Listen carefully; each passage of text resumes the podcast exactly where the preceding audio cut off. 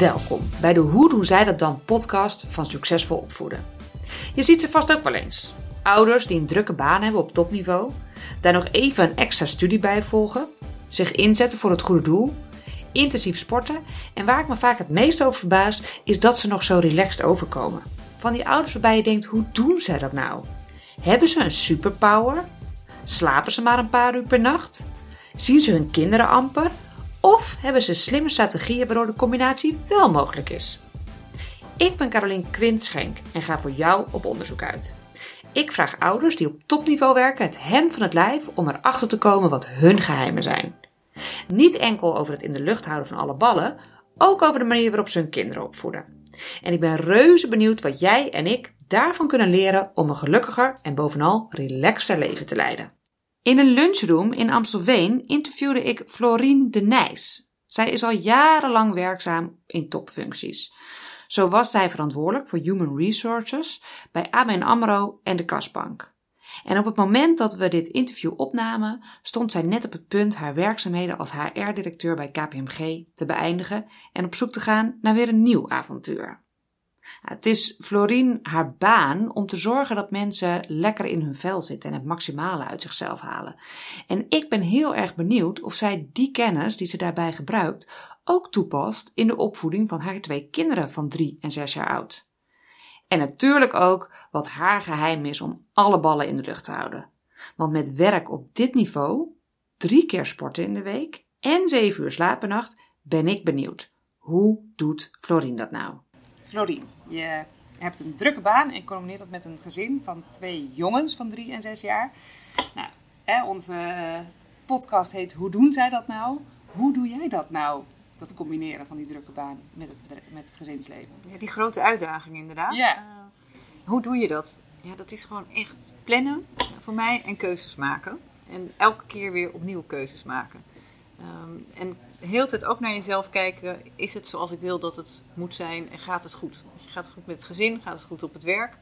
Um, ik heb zelf altijd de maatstaf dat ik als, als ik nog zie dat het mooi weer is en ik ruik de bloemen nog, dat klinkt echt heel erg poëtisch, maar dan sta ik nog aan. Weet je? En als ik helemaal in uh, werk te veel opgezogen word en ik uh, ben alleen maar daarmee bezig, dan zie ik al die mooie dingen niet meer, dan gaat het niet goed. Dan moet ik ingrijpen. Dat is voor mij wel altijd, weet je, zie ik nog de mooie dingen ja. om me heen.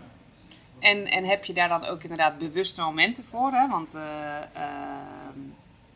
je kent wellicht ook het, het onderzoek van Bronnie, Bronnie Ware. Dat is de, de Five Top Regrets uh, of the Dying. Ken je die? Nee, ja.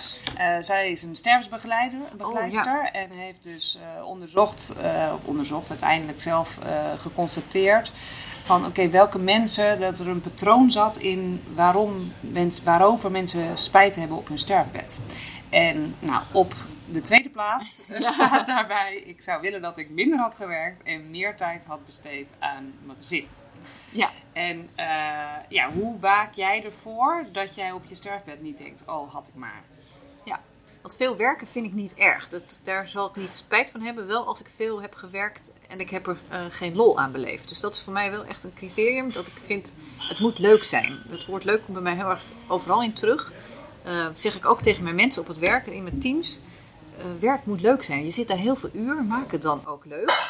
Dus als ik terugkijk en ik zeg, uh, ik heb heel hard gewerkt, maar ik heb heel leuk werk gedaan. Ik heb mensen beter gemaakt, ik heb bedrijven beter gemaakt, dan, dan ben ik heel tevreden.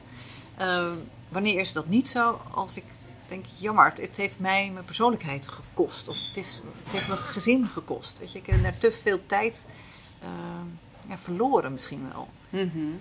Ja, en dat is dus heel erg kijken van ben ik tevreden zoals het nu gaat en anders ingrijpen. Daar geloof ik ook heel erg in. Dus, als je, uh, dus dat komt weer neer op keuzes maken. Je hoeft het niet te doen. Er zijn echt altijd alternatieven. En dat vertel ik ook op het werk. Weet je, uh, wat, wat is jouw passie? Weet je, als je bij KPMG komt werken, ga je hard werken. Dat zit er wel in. Maar als je van tennissen hield of je was heel druk bezig met events organiseren en dat vind je leuk, zorg dat je dat blijft doen. En kijk dan na een jaar, doe ik nog steeds de dingen die ik toen heel leuk vond? Of is dat allemaal weggegaan en zit ik nu alleen maar te werken? Dat moet je heel erg in de gaten houden. Van, is mijn leven nog wel zoals ik het ooit bedacht had? Of uh, zit, nou, kan ik nog ergens energie in kwijt? Ja, en, en hoe doe jij dat? Want ik, ik vind dat heel mooi en, uh, en, en heel erg waar. Tegelijkertijd zijn er natuurlijk heel veel mensen die continu ja, in, in de waan van de dag daar Ja. niet meer bij stilstaan. Dus hoe zorg je ervoor dat je er elke keer wel eh, een, punt, een eikpunt hebt om even te checken van, oh ja, Ja, dat is heel dichtbij soms wel. Want als ik een beetje vervelend begin te worden, narrig, dan krijg ik dat wel terug. En ik denk dat heel veel ouders hebben, dat hoor je ook wel, als ik ga snauwen naar kinderen, of ik word echt heel kort af, dan denk ik, oh, dit ligt echt niet aan die kids. Dit is zo dat ik aan mijn, aan mijn eind zit, zeg maar, of te druk ben. Of, je, iedereen kent die momenten wel, dat je dan gebeld wordt, telefoontje, nou dan gaan die stengels met chips en alles, tv aan, deuren dicht, mama moet bellen. En ik, oh jongens, dit, dit gun ik jullie niet. Het gaat alleen maar over wat ik wil doen. ja. En ik word kort af tegen ze. En dan denk ik, nou, nu gaat het goed. En dat herken, dat hoor ik wel veel. Maar zijn dus eigen kinderen dan misschien juist wel een heel erg spiegel over Ja. of je de Ja. dingen doet die... eh, Exact, ja. Dat krijg je heel snel terug. Maar ook je, je eigen reactie. Dat je denkt, oh, zo ben ik helemaal niet leuk Nee. op deze manier. Dat, eh, het heel kort al zeggen van, hé, door, want mama moet weer aan de werk. Ja, dat, dat is niet echt gezellig. En als jij dan die momenten hebt gehad, hè, wat, eh, wat doe je er dan vervolgens aan? Want het is natuurlijk dan wel meteen lastig van, ja, ga je dan dus inderdaad je baan opzeggen? Of, of zijn die momenten bij jou niet geweest? Hè? Dat kan natuurlijk ook. Maar... Nee, echt wel even terugdenken van, mijn agenda is blijkbaar te vol. Nou, hoe ga ik zorgen dat die weer eh, eh, wat leger is? Dat ik daar weer niet me laat leven door de waan van de dag, maar echt keuzes maken op mijn agenda. Eh, maar ook kijken wat ik privé nog wel leuke dingen doe. Of is het alleen maar werk, thuis opruimen en weer werk? En zitten daar ook nog leuke dingen tussen? Ehm, en dat kan zijn dat we moeten nodig weer eens uit eten. Gewoon. Of we moeten weer eens, ik moet weer even zelf wat voor mezelf gaan doen. Dus dat plan ik dan ook echt wel in. Ja. Ja, mooi. Eh, Wij zijn van overtuigd dat de basis voor succesvol opvoeden ligt in persoonlijke ontwikkeling. Dus dat, dat ouders, in eerste instantie persoonlijke ontwikkeling van de ouder zelf, dat die het voorbeeld is, omdat de kinderen eh, natuurlijk alles spiegelen. Nou, je bent verantwoordelijk voor human resources, dus vanuit dat kader ben je ongetwijfeld heel veel bezig met persoonlijk leiderschap. Welke rol speelt eh, dat in de opvoeding van je kinderen? Ehm, het zit wel heel veel in een soort van eigen beliefs die ik heb. Eh, en die laat ik ook als manager terugkomen, maar dat laat ik ook thuis eh, terugkomen. Dat, eh, nou, het eerste heb ik net al een beetje genoemd dat dingen leuk moeten zijn. Ehm, dus ik wil ook dat mijn kinderen dat, ehm, dat je niet hockeyen omdat het moet, maar omdat je het leuk vindt. Ik wil echt dat ze keuzes maken, omdat ze het, mijn zoontje, mijn oudste bijvoorbeeld, die heeft niks met hockey, maar de hele buurt doet dat. Dus dan heel veel ouders denken misschien wel, wellicht dan moeten wij er ook bij zitten. Eh, maar mijn oudste Rogier die wil schaken en koor. Dat vindt hij leuk. Dat zijn heel dingen die dicht veilig voor hem zijn. En dan denk ik, ja, dat zijn dus jouw keuzes die je maakt. En dat, dat mag je dan gewoon ook doen. Daar moet ik niet gaan inzitten. Eh, en dat heb ik in het werk ook heel erg. Van, eh, het woord keuze komt heel erg bij mij terug. In mijn teams bijvoorbeeld ben ik heel erg bezig van... deel je leven in zoals je je werk wil doen, maar ook je privé wil doen. Dus als je zegt, ik vind bepaalde dingen belangrijk, eh, je kinderen. Mijn, mijn keuze is kinderen. Ik vind ze belangrijk, dus ik, ga, ik werk maar bepaalde uren en ik ben s'avonds ben ik altijd thuis. Ik ga niet avonden doorwerken. Maar wat heb jij nodig om je leven te kunnen leiden, wat je wil leiden? Waar, wat maakt jou dan beter daarin? Het is niet zo dat ik heel erg bezig ben met eh, competenties bijvoorbeeld, of dat ik dat doorvertaal. Ik denk niet dat ik anders opvoed per se omdat ik HR doe. En mijn man zit ook, is ook HR-directeur. Dus je Oh. kan zeggen, dan krijgen de kinderen de dubbele lading. ik denk niet dat wij daar anders in zijn. Nee. Nee, dat geloof ik niet. Ehm, ik geloof wel in die ontwikkeling als in... ehm, je kan het aannemen dat het leven en het gezin zo is zoals het is. Maar je kan ook kijken, kan het anders en wat is mijn rol daarin? Daar zijn we wel heel erg mee bezig. Dus wel de reactie van de kinderen en wat kunnen wij anders doen... eh, zodat zij wellicht blijer worden of eh, anders ja, gedragen misschien wel. Ja, maar daar zeg je denk ik al wel een heel mooi punt. Dat het niet is van kijken naar je kinderen. Van oké, weet je, jullie moeten het anders Ja. doen. Maar wat kunnen wij anders Ja. doen om te zorgen dat... Ja, Dat het anders al- gaat, ja. Ja, vind ik al, eh, weet je. En, en wij, dat is ook precies onze visie daarop, op opvoeden. Van, weet je, het is makkelijker om jezelf te beïnvloeden dan om je kinderen te beïnvloeden. Ja, ik wil echt positiever opvoeden. Dus ik geloof in dat dingen kunnen en dat, eh, ehm, dat negativisme, dat dat best wel eh, energie vraagt, zeg maar. Dus ik wil ook die positiviteit zou ik meer aan mijn kinderen in de opvoeding willen laten terugkomen. In plaats van afsnauwen wat ze niet goed doen of daar uh, kortaf over te zijn of te bestraffen wellicht, maar te zeggen, weet je, hoe kan het nou anders? En veel meer dat opbouwende. Ja. Dat zou ik fijn vinden als ik daar wat consequenter ook in kon zijn. Maar dat, ja, dat positieve, dat zou ik mee willen geven. Ja. En als ze dat ook bewust doet, als ze daar, daar weer eens over gesproken hebben en zeggen dat gaan we echt anders doen, dan merk je ook dat de sfeer anders is. Ja. Dat die kinderen daar direct op reageren. Want eh, op welke manier bespreek je dat dan dus ook met je kinderen? Ik bedoel, hoe, uh, weet je, voor sommige mensen is het misschien wel best wel van, ja, mooi onderwerp, maar hoe, hoe kaart ik dat aan bij mijn kind? Ja, we hebben het nog niet met dat we het echt bij de kinderen zelf bespreken, maar wel met elkaar. Van hoe gaan we nou om met het, het gedrag van de kinderen of de twijfels die ze hebben? Of uh, hoe maken we het nou wat, wat leuker in plaats van dat we. Nou, we merken dat we dan heel negatief zijn. Je mag dat niet, je mag dat niet doen. Um, maar als je nou een uitdaging maakt voor kinderen bijvoorbeeld, of je, je vraagt op een andere manier iets, wat voor effect heeft dat dan? Dus daar zijn we wel heel erg mee bezig, met z'n tweeën meer. Dus dat bespreek ik nog niet met kinderen, want ze zijn drie en zes. Ik weet nog niet of het punt is, is om dat al helemaal te bespreken. Uh, ja, die oudste van zes kan je al wat meer mee doen, dat merk ik wel. Ja. ja. Ja, want ze staan er vaak al op jonge leeftijd, weet je. Ik denk, dat is, dat is uh, mijn visie, maar dat, dat veel ouders onderschatten wat ze al kunnen bespreken met jonge kinderen. Ja, dus drie wel. is inderdaad net wel heel jong hoor. Ja. Maar zodra je 4, 5 gaat worden, dan, uh, ja, weet je, ze hebben echt al zo'n mening en kunnen je best wel ver volgen. Ja. En Ja. kunnen ook al best wel snel in zelfreflectie, ja, op zichzelf gaan re reflecteren. Althans, dat zie ik in ieder geval bij onze kinderen wel. Ja, die oudste van mij ook wel. Die zes die had gisteravond, toen hij hem naar bed had gebracht, had hij ook wel, ik wil het toch nog eens even met jou hebben over, ik zit even te denken wat het was, maar dan, dat zijn wel de gesprekken waar die mij vertelt hoe ik het doe. Of dat, of dat wel goed is, of dat het anders kan. Ah. En dat ik hem wat meer mag vertrouwen soms bijvoorbeeld. Uh, ja, dat, dat doet hij echt wel. Hij is heel Mooi. wijs. Ja. En hoe reageer je daar dan op? Ja, vind ik prachtig. Ja, maar dan ga ik ook door. Dan vraag ik ook, wat bedoel je daarmee? Uh, wat kan ik daaraan doen? Nou, die avondgesprekken die zijn magisch, vind ik echt. Ja. Dat zijn de beste, dan is de drukte weg en dan, uh, dan heb je echte gesprekken. Ja. En onze oudste Rogier zegt altijd, waar gaan we het vanavond over hebben? Oh ja? ja. En dan denken we iets van, um, nou, volgende week schoolkamp, hoe zal dat dan gaan? Omdat dat best wel eng is. Of uh, uh, hoe was het voetballen vandaag? Of, maar het kan ook iets heel anders zijn. We gaan het hebben over een thema en dan gaan we woorden opnoemen, wat daarmee te maken heeft. Dan moeten we om de beurt een woord noemen. Net soort spelletje wat we dan doen. Ja. Maar dat is heel leuk, ja. En doe je dat dan al in bed? Ja, of is dat in bed nog, altijd, uh, ja.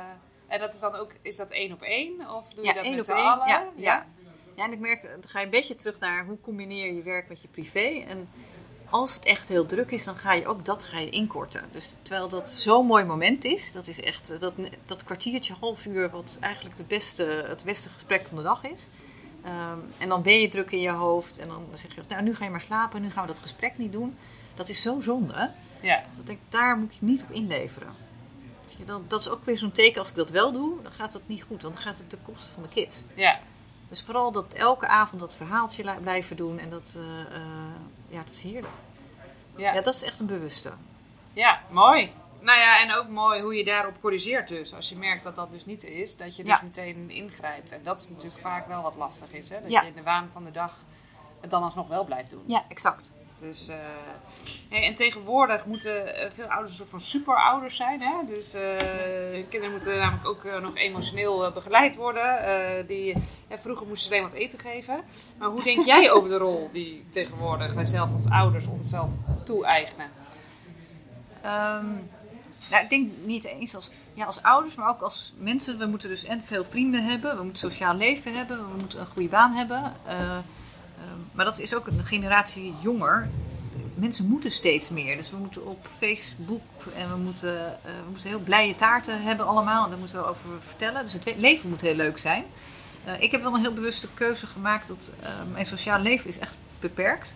Dat klinkt heel sneu, maar dat is, ik zit niet in heel veel groepjes. Of, ik werk hard, ik ben daar veel tijd mee bezig. En dat weekend wil ik ook echt aan het gezin besteden. Dus ik ben geen avonden weg om uit eten te gaan. Wij zijn niet op de zondag heel veel op visite of bij vrienden. Dus wij kiezen echt. Die twee moeten eerst in balans zijn. En dan komt de derde laag, is vrienden en uh, familie, zeg maar. Dus het zit echt tussen uh, mijn man en de kids en het werk. Dat moet in balans zijn. En daar moet genoeg tijd voor elkaar zijn. En dan komt er ruimte voor anderen daarbinnen. Dus dat is wel eentje waar we uh, En dat geeft heel veel rust aan de ene kant. Ehm, en als ik vrienden wil zien, en we hebben gelukkig vrienden, maar die hebben ook vaak wel dezelfde, die zijn ook druk. Dan is dat helemaal niet erg dat je elkaar twee keer per jaar ziet of, eh, eh, of zo. Dat is prima. Ja. Dus wij zijn niet degene die bij allemaal verenigingen zitten of eh, nou, veel clubjes, dat, dat niet.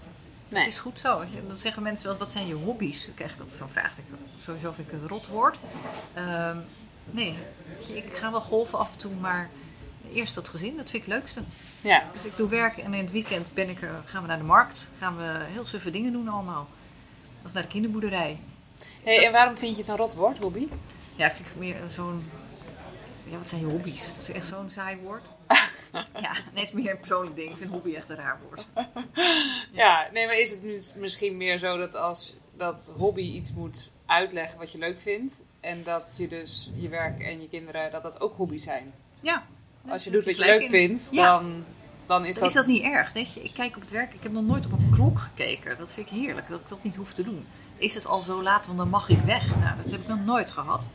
Eh, en dat is heel relaxed. Ik doe wat ik vind wat nodig is. Ja, en Ja. kijk je dan wel op die klok, oh mijn god, het is al zo laat, ik moet zo weg? Ja. Op die manier wel? Of, eh? Ja, die zit er wel in. Oh jeetje, en dan krijg ik nog die file en dan moet ik racen. En eh, we hebben gelukkig oppas thuis. En dat is voor mij, eh, dat brengt zoveel rust. Ja. Zij is er elke dag van 8 tot half 7. Ehm, en dat neemt niet weg dat ik niet om half 7 wil thuiskomen. Ik wil echt daar eerder zijn, dus ik ga eerder altijd weg. Ehm, dat is wel grappig. Ik vertel ook bij mij binnen de teams ook altijd. Ik had nooit gedacht dat ik 9 tot 5 werker zou worden. Dat vond ik vroeger heel saai. Want dan had je echt geen leven. En nu ben ik voorstander van 9 tot 5 gewoon. Vijf uur ga ik naar huis. En vijf uur eh, sluit ik de ding af. En ga ik best wel demonstratief ga ik weg. Omdat ik hoop dat anderen ook die keuzes maken. Dus mijn keuze is om vijf uur naar huis. Dan ben ik om half zeven thuis. En dan kan ik eten met de kids. Ik wil elke avond met ze eten. Ehm, en dan aan tafel zitten. Ehm, en anderen die zeggen van ja, ik ga, eh, weet je, ga je naar de kapper op woensdag omdat je dat belangrijk vindt, dat is ook een keuze. En dit is het voor mij, dus ik sluit alles af. Ik loop weg om vijf uur, heel veel blijven zitten. Ehm, maar dan ben ik er ook weer. thuis. Ja. En is dat dan te doen met je functie? Ja. Weet je? Want dat is natuurlijk, eh, of zeg je dan, dat is eigenlijk gewoon puur het op een andere manier organiseren. Het is echt gewoon organiseren en het gewoon doen. Ja. Want ik doe s'avonds die laptop weer open. Ook mijn keuze om dat te doen. En dat, daar zit wel een spanningsveld tussen, omdat dat betekent dat ik mailtjes stuur s'avonds. En dat vind ik wel lastig, want ik wil niet anderen mijn leven opdringen. Maar die krijgen dus op tien uur krijgen ze een mail van mij. En dan, eh, daar geef ik heel duidelijk bij aan dat ik niet verwacht dat je reageert. Want ik, daar oordeel ik niet op. Eh, van, oh jeetje, binnen twee minuten krijg je terug, die zijn heel goed. En ik vind ook dat je dat heel nadrukkelijk moet laten zien. Ehm, dus je moet wel consequent zijn in waar je in gelooft, geloof ik. Ook als, als manager, als nou, hoofd HR. Ehm, hier sta ik voor, maar ik dring het anderen niet op. Maar het kan wel een voorbeeld zijn voor jullie om het ook zo in te richten. En wel je eigen keuzes te maken. Ja, want dan proef ik daar ook uit dat je als HR-directeur het ook heel belangrijk vindt dat mensen hun eigen vrijheden daarin pakken. heel erg. Om, eh, Ja. Ja, jij zei het eerder al. Ik denk dat je op je sterkst bent als je de leuke dingen kan doen wat bij je past. En dat, eh, eh, als dat allemaal in balans is, dan gaat dat, dan gaat dat veel beter. Dus zul je ook die keuzes weer moeten maken. Wat, nou, hoe wil jij je leven inrichten? Ja. En dat moet niet verkrampen. Inderdaad, want eh, ik moet hier zitten, maar ik moet eigenlijk dat nog doen. Joh, ga naar huis, regel het en doe later je werk. ja. Ik geloof ook echt niet in dat je op het werk moet zijn. Ik geloof erin dat jij wel weet wat je moet doen. En nou, kijk maar wanneer je dat doet. Ja. En hoe eh, dat, dat, dat intrigeert me dan heel erg, hoe dat ook dan uitpakt in de praktijk. Want eh, ik kan me heel erg vinden in die visie. Eh, daarentegen zijn er natuurlijk ook heel veel mensen die werk gewoon echt als werk zien. Hè? Dus Ja. die, dat, die daar ook misschien dus inderdaad wat minder energie. Daar ook dus ook veel lastiger vindt, hoe, hoe hou ik nou die balans? Dus hoe monitor je dat als HR-directeur of waar, hoe begeleid je mensen daarin dat ze dat op een andere manier kunnen zien? Ik probeer mensen niet te overtuigen. Want ik, ik denk dat ik extreem ben in hoe leuk ik mijn werk moet vinden of wil vinden. Weet je, dat, daar ga ik helemaal voor. Dus dat loopt heel erg in elkaar over, werk en privé. Eh, dat is niet voor iedereen het geval, inderdaad. Maar ik probeer wel te kijken, want iedereen heeft een soort van sparkle. Iedereen heeft iets waar ze energie van krijgen of waar ze van opbloeien. En ik vind het echt de kick als ik bij mensen dat ontdek. En hoe doe je dat? Is bij mij echt wel eh, weet wie je echt bent. Oprecht weten wie je bent. En ik vind zelf, maar daar ben ik heel erg mee bezig, dat we in deze tijd en ook uh, in bedrijven veel meer bezig zijn nu met techniek. Nou, je ziet het allemaal achter mobieltjes. Maar ik geloof er heel erg in dat we weer terug moeten naar een drie vragen als manager. En dat is uh, wie ben je? Dat vind ik heel belangrijk. Gewoon wie ben je, maar wie ben je ook in het weekend? Dat, je, daar, dat zegt mij heel veel. Misschien heb je kinderen waar het niet goed mee gaat. Of er, uh, dus ik wil jou echt leren kennen. Um, dus wie ben je? De tweede vraag is hoe, hoe gaat het met je? Dat vind ik ook als manager gewoon echt. nee, ik vind het lastig. Ik kan het niet combineren met mijn privé. Of, en de derde vraag is hoe kan ik je helpen? En dat klinkt heel basis. Maar voor mij want al die leiderschapstheorieën vind ik allemaal heel mooi, maar gaat het weer terug een beetje naar, naar de echte, oprechte aandacht weer naar elkaar hebben. En nou, daar ben ik zelf heel erg op de KPMG mee bezig. Heb weer oprecht die aandacht. Volgens mij is dat de behoefte van mensen weer gezien te worden en gehoord te worden.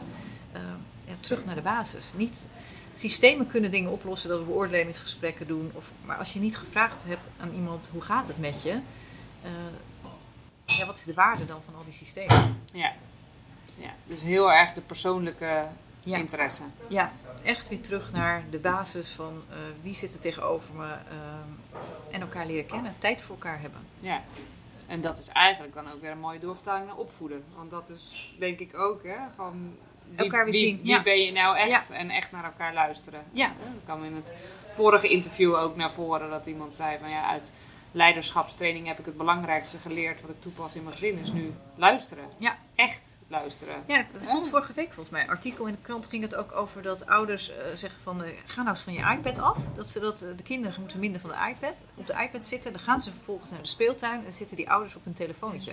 Toen dacht ik, die herken ik wel. Ja, ja, dan zeg ik, jongens, we gaan naar buiten leuke dingen doen. En dan, dan zitten we daar en dan ga je toch je mail checken. Is dat nou het juiste voorbeeld wat je wil geven? Nou, ja. Dat denk ik niet. Nee dat is ook wel even confronterend. Dat ik dacht, oh, dat kan ook anders. Ja. Hoe vaak heb je niet je telefoon naast je liggen? Nee, dat moet ook... Uh... Nou ja, en dan ben ik ook benieuwd, want, want je constateert, het kan het niet anders. Uh, lukt het dan ook om het anders te doen? Ja, soms consequenter. Weet je, kort. Dat je, dat je denkt van, nou, dit gaat echt uh, om. En je ja, gaat wel vaak weer naar je oude gedrag. Dat merk ik wel. En dat is, dat is niet goed, maar je moet er dus bewuste keuzes van maken. Echt mijn telefoon thuis laten liggen. Dan merk ik ook dat we een andere, andere middag hebben. Ja. Uh, en dan is het ook leuker. Ja, dat is eigenlijk al een hele simpele, praktische tip. Ja. Toch? Gewoon ja. die telefoon thuis. In de tas. Uh, want de, je kan de neiging hebben, en dat heb ik ook gehad, dat ik dan op elk mailtje, en dan komt er toch net eventjes iets waar ik actie op moet nemen. En dan ga ik dat ook doen. Dat verstoort alles. Ja. En dan moeten ze dus weer stil zijn. En dan moeten ze op een bankje gaan zitten. En uh, het is gewoon niet leuk. Ja. Hey, en in het, uh, uh, we hebben even kort met elkaar uh, voorgesproken. Toen Ja. gaf je aan dat er ook wel wat uitdagingen met jouw zoon zijn geweest. Hoe, hoe ben je daarmee omgegaan en hoe hebben die ook ja, jouw situatie met je werk beïnvloed? Ja, dat is best wel. ehm, dus als je vraagt weer hoe gaat het met je en wie ben je, dat, daar komt dan een verhaal bij mij inderdaad.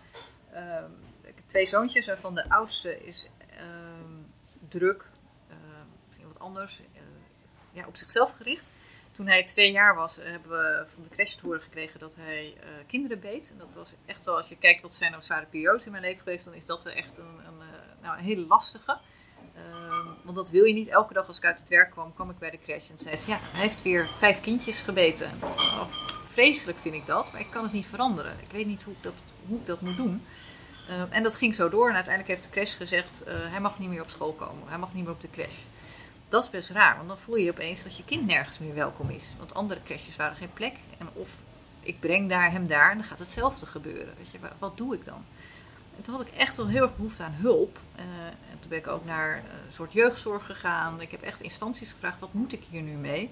Want ik weet niet wat ik... eh, nou, ik heb een kind nu thuis, maar hoe kan ik dit oplossen? Wat is er aan de hand? Eh, toen zijn we ook bij een pedagoog volgens mij geweest. Ook daar erg van geschrokken, want heel snel hoor je dan ADHD, pilletjes eh, en van alles wat er dan eh, toegeschreven wordt. Eh, mijn zorg is dat dat deze tijd te snel inderdaad gebeurt. Dat te snel ergens een stempel op wordt gedrukt. En ik heb toen echt wel besloten, ik geef niet toe aan die stempel zo snel, maar ik wil het heel erg op mijn eigen gevoel blijven volgen hierin. En ik heb het gevoel dat er wat anders is. En dat het niet per se een, een pil is wat erin moet bij mijn kind. Maar dat, eh, eh, nou, dat het allemaal niet zo erg is, is dat als het omschreven wordt. Ehm, dus ik ben gaan kijken hoe kan ik zorgen dat we wel met hem verder gaan. Ik heb mijn werk eh, toen stilgezet. Was heel, bij KPN werd heel goed op gereageerd. Dus ik ben meteen maandags thuis gaan zitten. Een half jaar thuis gebleven ook met hem.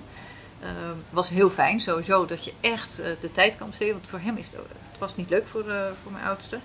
Ehm, uiteindelijk heel simpel dacht ik, ga de peuterschool eens bellen. En de peuterschool heb ik eerlijk verteld. Ja, ik heb een kindje met een verhaal. Dus dat wil ik jullie ook eerlijk vertellen. Dus dat moet niet straks... Jullie kunnen ook nee zeggen tegen mij. Dat snap ik ook wel. maar ik gun hem zo dat hij gewoon opgroeit en gewone dingen doet. En er was een fantastisch mens. En dat is wel mensen in je leven die uh, nou, helden. Zij was wel een held. Zij heeft gezegd van uh, dit jongetje, kom maar, ik hoef het verhaal niet te weten. Je hoeft mij dat allemaal niet te vertellen. Ik zie hem hier. Hartstikke leuk kind. En hij is hier welkom. En dat woord welkom, dat is echt ja, magisch. Weet je, dat, uh, hij werd daar in die groep opgenomen. Wat vervelend was, een maand later zei een moeder, die zat ook, ook op de crash, is dat kind hier? Had ik dat geweten, had ik hier niet naartoe gekomen. Dat heeft me toen heel erg pijn gedaan. Dat, uh, toen ben ik echt in tranen. Dacht, ik dacht, oh, nu komt het weer terug. Hij krijgt geen kans. Want ik wilde dat hij gewoon een kans kreeg. Eigenlijk is dat wel mijn grootste hulpvraag geweest. En zij heeft hij gegeven en er is nooit meer wat gebeurd. Dus de dag dat hij daar op de peuterschool zat, is er, hij heeft niemand gebeten. Hij, heeft niemand, uh, hij is een gewoon kind geworden. Dus we hebben er geen pillen in hoeven doen. En we hebben geen, het is een kind wat wel aandacht vraagt. Weet je, hij is soms heel druk. En hij is heel bezig met moeilijke onderwerpen. Maar er zijn meer kindjes mee, dus dat, uh, daar hebben we het dan over. En daar leer ik dus weer heel veel van. Over de geschiedenis en over, uh, over, over beesten en over de toekomst. Hij wil er heel diepgaand over praten. Nou ja, dat, dat wil hij dan. Dat Ja. doen we. Dus dat, Ik eh, krijg er echt helemaal kippenvel eh Ja. van. Mooi. ik ben blij dat die, dat is een ommekeer, om, ja, ommekeer geweest. Gewoon die kans geven en naar het kind kijken en het gewoon eerlijk benaderen. Nou, dat, als dat er niet was geweest, weet ik niet waar we dan hadden gestaan. Nee. En vervolgens hebben we een oppas op pad, wat echt de meest fantastische is. Die heeft in haar tijd dat zij oppast, heeft ze een opleiding gedaan en eh, voor, op, eh, voor pedagogisch medewerker en alles. En nou, die heeft ook die kinderen fantastisch opgevangen steeds. Dus daardoor was er voor mij balans. Dat, eh, ja, goud. Goud Ja. waard is dat. Dus er zijn een paar mensen waar ik echt denk van nou, jullie krijgen een lintje ooit. Ja. Nou ja, en jullie zelf ook. Ik bedoel, de Ja. manier waarop je dan dus met je kind omgaat. Om te zeggen, weet je wel, eh, we willen hem gewoon zien. Ja, dat, Ja. eh, Ja, en geloof hebben. Ik, ik weet wel dat ik echt. Ja, ja, het klinkt heel raar, maar je vertrouwt je kind gewoon op een of andere manier. Zonder dat je. eh, want ik denk dat je als ouder ook heel erg kan zeggen. ehm, ja, mijn kind is geweldig. En iedereen zal dat. Maar, ik had echt het gevoel heel erg van hier is dit wat anders. En blijkbaar achteraf, want hij is eh, heel intelligent, dat hebben we wel laten testen. En daardoor kwam er heel veel viel bij mij op de plek. Eh, blijkbaar, hij kon nog niet praten. Dus hij kon niet uiten. Maar hij had wel heel veel mening en heel veel, denk ik, dat hij wilde vertellen. En hij, maar hij kon dat niet uit. En hij heeft dat door bijten gedaan. Nou, dat, eh, waar ik me wel zorgen over maak, dat de crash destijds... Dat kind is anders, dit past hier niet. En dat vind ik, vind ik echt zorgelijk. Dus dat, je, dat we alleen modale kinderen kunnen hebben. En dat binnen een vakje moet opereren en moet gedragen. En zodra dat een beetje afwijkt, dat we dat eng gaan vinden. En daar, dat kost dus tijd en energie. Eh, dat past niet in het model. ja. Ik. Weet je, ik snap ook wel dat het niet ten koste van anderen moet gaan. Maar ja, jongens. eh, ik had gehoopt bij deze crash ook, help me. Kan, kan hij naar een andere groep? Eh, kan hij naar een andere crash? Kunnen we zorgen dat er een extra juf komt? Dat wij daarbij helpen? Dat, dat, eh, weet je, om hem dat normale te geven. Maar dat is te veel. Dat paste niet binnen het kader van de crash. ja. En ik, ja. Nou, misschien spreek ik nu voor eigen broekje hoor. Dat kan ook. Ik denk van dat had ik zo fijn gevonden. Maar denk dat misschien dat wel vaker Nee, voorkomt. maar ik denk dat wel, eh, weet je, ik denk dat beide kanten op. Hè? Ja. Als je kind eh, erboven uitsteekt of onder het gemiddelde, beide kanten op, is het, eh, ze moeten met name zoveel mogelijk mainstream Ja. zijn. Ja. En, dat, dat, en eh, dat, dat wijst dan vervolgens de praktijk uit dat het juist vaak niet het geval is. Hè? Ja, ik vind dat nu. eh, hij zit nu op, in groep 4 en dat gaat fantastisch. En eh, zij hebben dus een, een extra klasje waar hij extra opdrachten krijgt. Dus hij zit gewoon in zijn klas en hij doet dat. En dan gaat hij twee keer per week krijgt hij wat extra eh, opdrachten. Helemaal gelukkig. Ja. Computergeschiedenis, nou, eh, blijer kan je hem niet maken.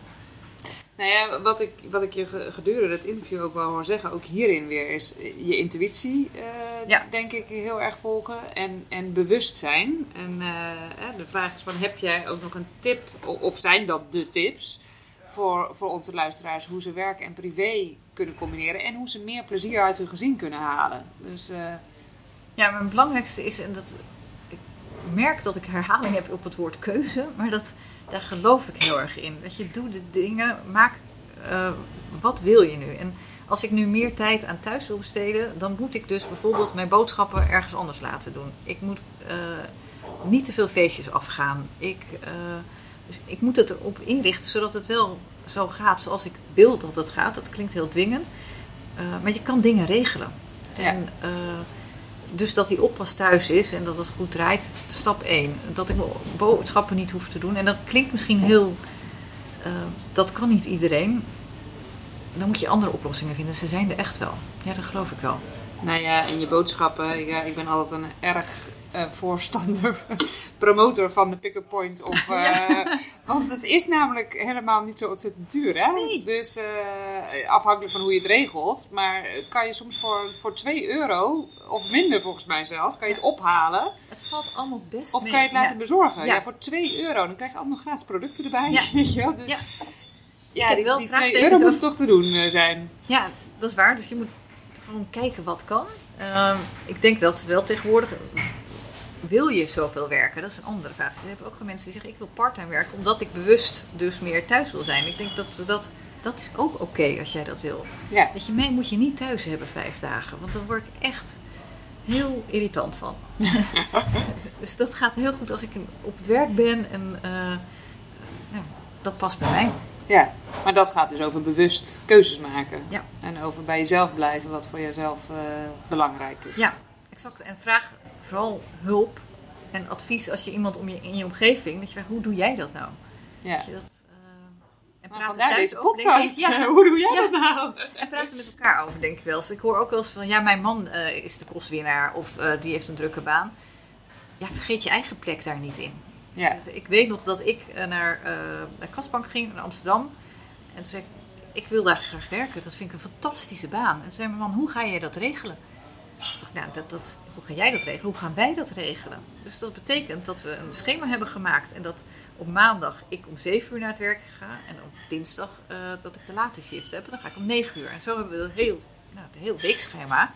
En de ene dag, de maandag, begin ik dus om 7 uur. En ben ik om 5 uur thuis. En zo hebben we dat ingedeeld. En dat betekent dat hij dus ook eh, twee ochtenden per week laat naar zijn werk gaat. Ja, zo be it.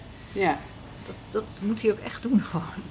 Omdat we dan, eh, eh, dat ik ook mijn dingen kan doen zoals ik dat wil. Ja. Dus ik denk dat je dat echt wel mag vragen, de ruimte die je ook zelf nodig hebt. Ja. En dat gaat goed. Dus we maken elke zondag, we hebben een groot bord hangen in de keuken. Alle dagen erop. En er staat op wat we eten, wat de afspraken zijn. Of er een tas mee moet naar school of een bonnetje. En eh, wie waar is. En dat geeft heel veel houvast. Van, dus ik heb geen verrassingen meer door de week. Nee. Dus de oppas weet precies hoe het eruit ziet die week. Mijn man weet precies wat we moeten doen. En we, ja, het is heel saai. We weten dat we, dat we boontjes eten op donderdag. en dat dat in huis moet zijn. Dus we, dat, is gewoon het, daar, dat is allemaal ja, structuur wel. Ja. Dat helpt. Ja, en, en jij zegt inderdaad al een paar mooie dingen over vrouwen. Hè? Want eh, er wordt ook vaak gezegd dat vrouwen meer met thuis bezig zijn. Hè? En daarom ook lastiger vinden om hogere banen te hebben. Ja, en Hoe, ik hoe geloof denk in, jij daar dan over? als je dat echt... Er zijn, ik denk dat er een, een bepaalde groep is die zegt, ik wil gewoon thuis zijn. Dan moet je dat prima vinden. Maar als er een groep is die zegt, ik zou wel meer willen, maar dat kan niet. En dat is volgens mij de groep waar we naar moeten kijken, want het kan wel. En, ehm, en dat is dus inspireren door, van, je kan het om je heen regelen. En ik denk, ik geloof er echt in dat kinderen er niet minder van worden als moeders werken. Eh, het klinkt heel raar, maar ik denk dat mijn kinderen niet beter weten dat, dat ik werk. Maar als ik er maar op de momenten ben, als het ertoe doet. En dat vind ik het belangrijkste. Dus, en dat ik niet het weekend vol plemp met andere afspraken. Dus die quality time is er echt wel. Ehm, ja, als je het wil, dan kan het. Dat is mijn belangrijkste. En ik denk dat mensen nog te veel in belemmeringen denken. Dat het niet kan. Ja. En dat we daar moeten helpen. Ik geloof niet in quotum van vrouwen bijvoorbeeld. Dat je zegt het moet zoveel procent zijn. Ik geloof dat we naar deze groep moeten kijken. Wat hebben zij nodig om verder te komen? Of om te doen wat zij willen doen. Zij willen ook bepaalde ambities of dromen. En, ehm, hoe kunnen we die belemmeringen weghalen? Maar ook eh, op scholen, waarom doen we mensen bepaalde opleidingen? Hoe kan je daar, dat is een beetje de basis denk ik. Eh, dan krijg je veel meer werkende vrouwen ook. Ja. Als ze dat willen. Nou ja, kijk, en, en jij zegt al wel heel duidelijk ook richting iemand, hoe gaan wij dat organiseren? En daar, dat maakt jou denk ik ook heel krachtig over hoe je dat dus ook communiceert. En dat nog misschien eh, veel vrouwen het wel willen, maar ook denken dat zij dat dan op moeten lossen. Ja, exact. Ja. Dat, ik vind dat je in een ja, relatie gelijkwaardig moet kunnen zijn. Eh, Ja. Dat is mijn eigen... ehm, ja, ik heb dromen en ik heb energie en daar, moet ik, daar wil ik ook wat mee. En dat, eh, ehm, ik vind dat we daar zelf allebei de ruimte in moeten krijgen. Weet je, dat kan zijn dat je zegt, we kiezen er weer voor. Ook weer een keuze voor even twee jaar rustig, want het is lastig met de kinderen eventjes. Of jouw baan, je moet veel reizen. Dat kom je samen dan overeen. Ja, Eh, maar wees wel, na die twee jaar wil ik ook wel weer graag mijn eigen ding doen. ja. Ja, heb het erover. mooi. Heel mooi. Ja, gelukkig lukte het ook zo. Nee, erg inspirerend. Ik denk ook dat heel veel ouders dit inspirerend voor is. Zowel voor de vrouwen om inderdaad meer voor hun eigen ding te staan, maar de mannen ook om het meer samen te zien. Dus, ja, het was eh, ook, moest echt aan wennen. Nog een voorbeeldje dat ik, ik was bevallen van de tweede. En ik ben niet zo bevallingsverlofferig, dus blijkbaar. Want ik dacht echt na twee weken van, oh jeetje, dat, ik wil eigenlijk wel heel graag werken. Het gaat hartstikke goed met mijn kind. Nou, echt helemaal blij. En toen ben ik na drie weken toch aan het werk gegaan. Dat Ik dacht, ja, ik wil, ik wil zo graag. Dus ik had gesolliciteerd met mijn, met mijn zwangere buik een week voordat ik eh, moest bevallen. Had ik mijn laatste sollicitatiegesprek. En tijdens mijn verlof ben ik daar begonnen. Dat, eh, ja, dat was heel grappig, maar dat voelde heel oké. Ja, Ja. mooi. Mooi. Hey, ik heb een aantal korte eh, vragen voor je, een soort vriendenboekje vragen. Ja. Dus die mag je gewoon. ja, lievelingskleur. Ja. ja. Die dan net niet, maar je mag ze wel spontaan en, en kort beantwoorden. Het leukste dat ik samen met mijn kinderen heb gedaan is. Oh, dat je daarover na moet denken, dat is heel positief hoor. Want het zijn veel dingen. Het leukste. Nee, dat kan niet in één ding. Dat is dat, is dat avond voorlezen. Dat vind ik fantastisch. Of eh, vakantie. Nee. Het leukste is, zijn voor mij de kleine dingen. Dat zijn geen grote momenten. Ja, Ik hoop dat is op- juist heel prachtig. Vind Ja. ik dat, dat juist dat bedgaan ritueel, dat dat het mooiste is. Ja, ik kan niet bedenken dat wij naar de Efteling dat het mooier is dan dat bed gaan ritueel. Nee. Dus ik hoop dat je in de toekomst dat we mooie reizen met ze gaan maken, dat we de wereld kunnen laten zien. Dat is, dat is zo'n droom die ik heb. Ehm, dus dat zijn ook mooie dingen, hoop ik, die eraan zitten te komen. Ja. ja, mooi.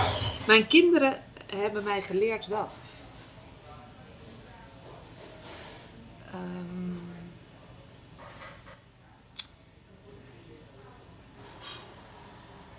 mij geleerd. Ja, om ja, misschien ook wel eerlijk te zijn. Want soms roep je eens dingen en zij, eh, zij koppelen dan letterlijk aan je terug wat je gezegd hebt. Dan denk je, ja, daar hebben jullie nog gelijk in ook. Soms roep je iets te snel of dan beloof je iets te snel. En, eh, en zij corrigeren dat wel. En geef je ze dan ook gelijk? Ja, Ja. ja. dat, dat, vind ik, dat vind ik heel belangrijk namelijk Ja, dat ze gelijk ook. geeft. Dat, eh, daar heb je gelijk, in, dat heb ik niet goed gezegd. Ja. Of ik heb dat inderdaad beloofd. Ja, ja daar hebben ze echt gelijk in. En ik vind het heel belangrijk dat ze dat, eh, dat ze wat voelen. Ja. Wat mijn kinderen niet van mij weten is. Eh, dat ik... Ja, dat is wel grappig. Ik denk dat mijn oudste zoon heeft echt enorme faalangst. En dat is soms eens een... eh, eh, dat dat is dat uit kinderen zelf ontstaan of komt dat... Ik haat het om op een podium te staan. Echt vind ik vreselijk. Je zet mij niet in de spotlight, want dat past niet bij wie ik ben. Ik vind het heerlijk met mensen te werken. En, maar ik hoef niet per se een, eh, een spotlight op me. Denk ik, zullen ze dat weten dat ik dat heb? Dat, je, dat daar echt eh, dat ik dat niet wil? En nemen zij dat over? Of zit dat in, in een DNA van kinderen? Of hoe, hoe is dat ontstaan? Dat vind ik heel interessant. Ja. Misschien een heel complex voorbeeld, maar dat, dat intrigeert me heel erg. ja, dus jouw kinderen weten niet van jou dat jij niet in de spotlight wilt staan. Nee. Nee. Hey, en mijn favoriete voorleesboek is. Ehm, ja, we zijn nu bezig, die vind ik heel leuk, van dat... eh, ehm, van de mol met dat poepen. Oh die, ja, die, vind ik zo leuk. ja, de mol die op mijn kop gepoept Ja. heeft. Die vind ik zo grappig. elke keer. Ja, Ja. Ik ben echt dol op printboeken. Ik, er zitten vaak ouderverhalen, vind ik, doorheen. En, eh, die heel grappig zijn. Sowieso vind ik dat ook met tekenfilms. Dus dat het voor ouders zit er een heel ander verhaal door dan dat de kinderen dan lezen. Ja, Ja, fantastisch. leuk. De beste manier om het weekend te beginnen is. Eh, met z'n allen naar de markt. Gewoon lopen, eten halen, stroopwafel. Weet je, om tien uur s ochtends te groot, maar niet allemaal opeten. En eh, heel rustig aan. Ja. Ja. Mijn favoriete tegeltjeswijsheid.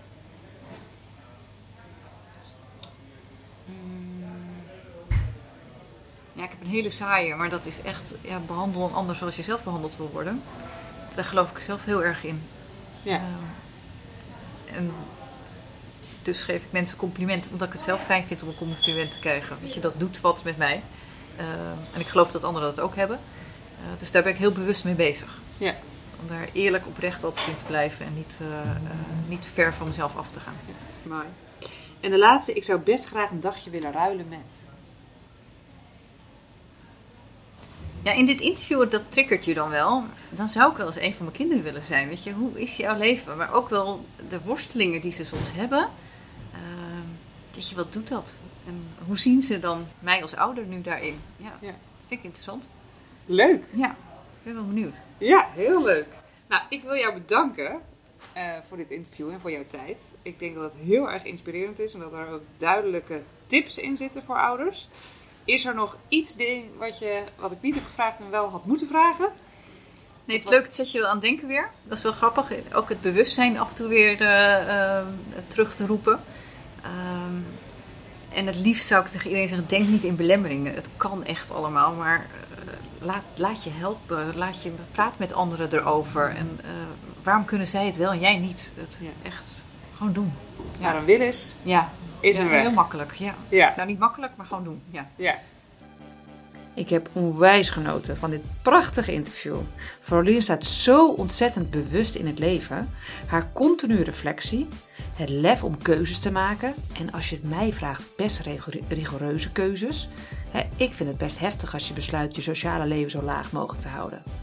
Nou, dat in combinatie met haar focus op plezier en mogelijkheden in plaats van onmogelijkheden zijn wat mij betreft de belangrijkste lessen die we uit dit interview kunnen trekken. En jou hopelijk ook inspireren om het leven van je dromen te leiden. Na twee vrouwen is het tijd om een man aan het woord te laten. Volgende keer interview ik daarom Jeroen de Punder. Ook hij werkte jarenlang op topfuncties. Maar twee jaar geleden kregen hij en zijn gezin heftig nieuws te verwerken. Hun dochter heeft namelijk het syndroom van Usher. Een zeer zeldzaam syndroom wat ervoor zorgt dat je zowel doof als blind wordt.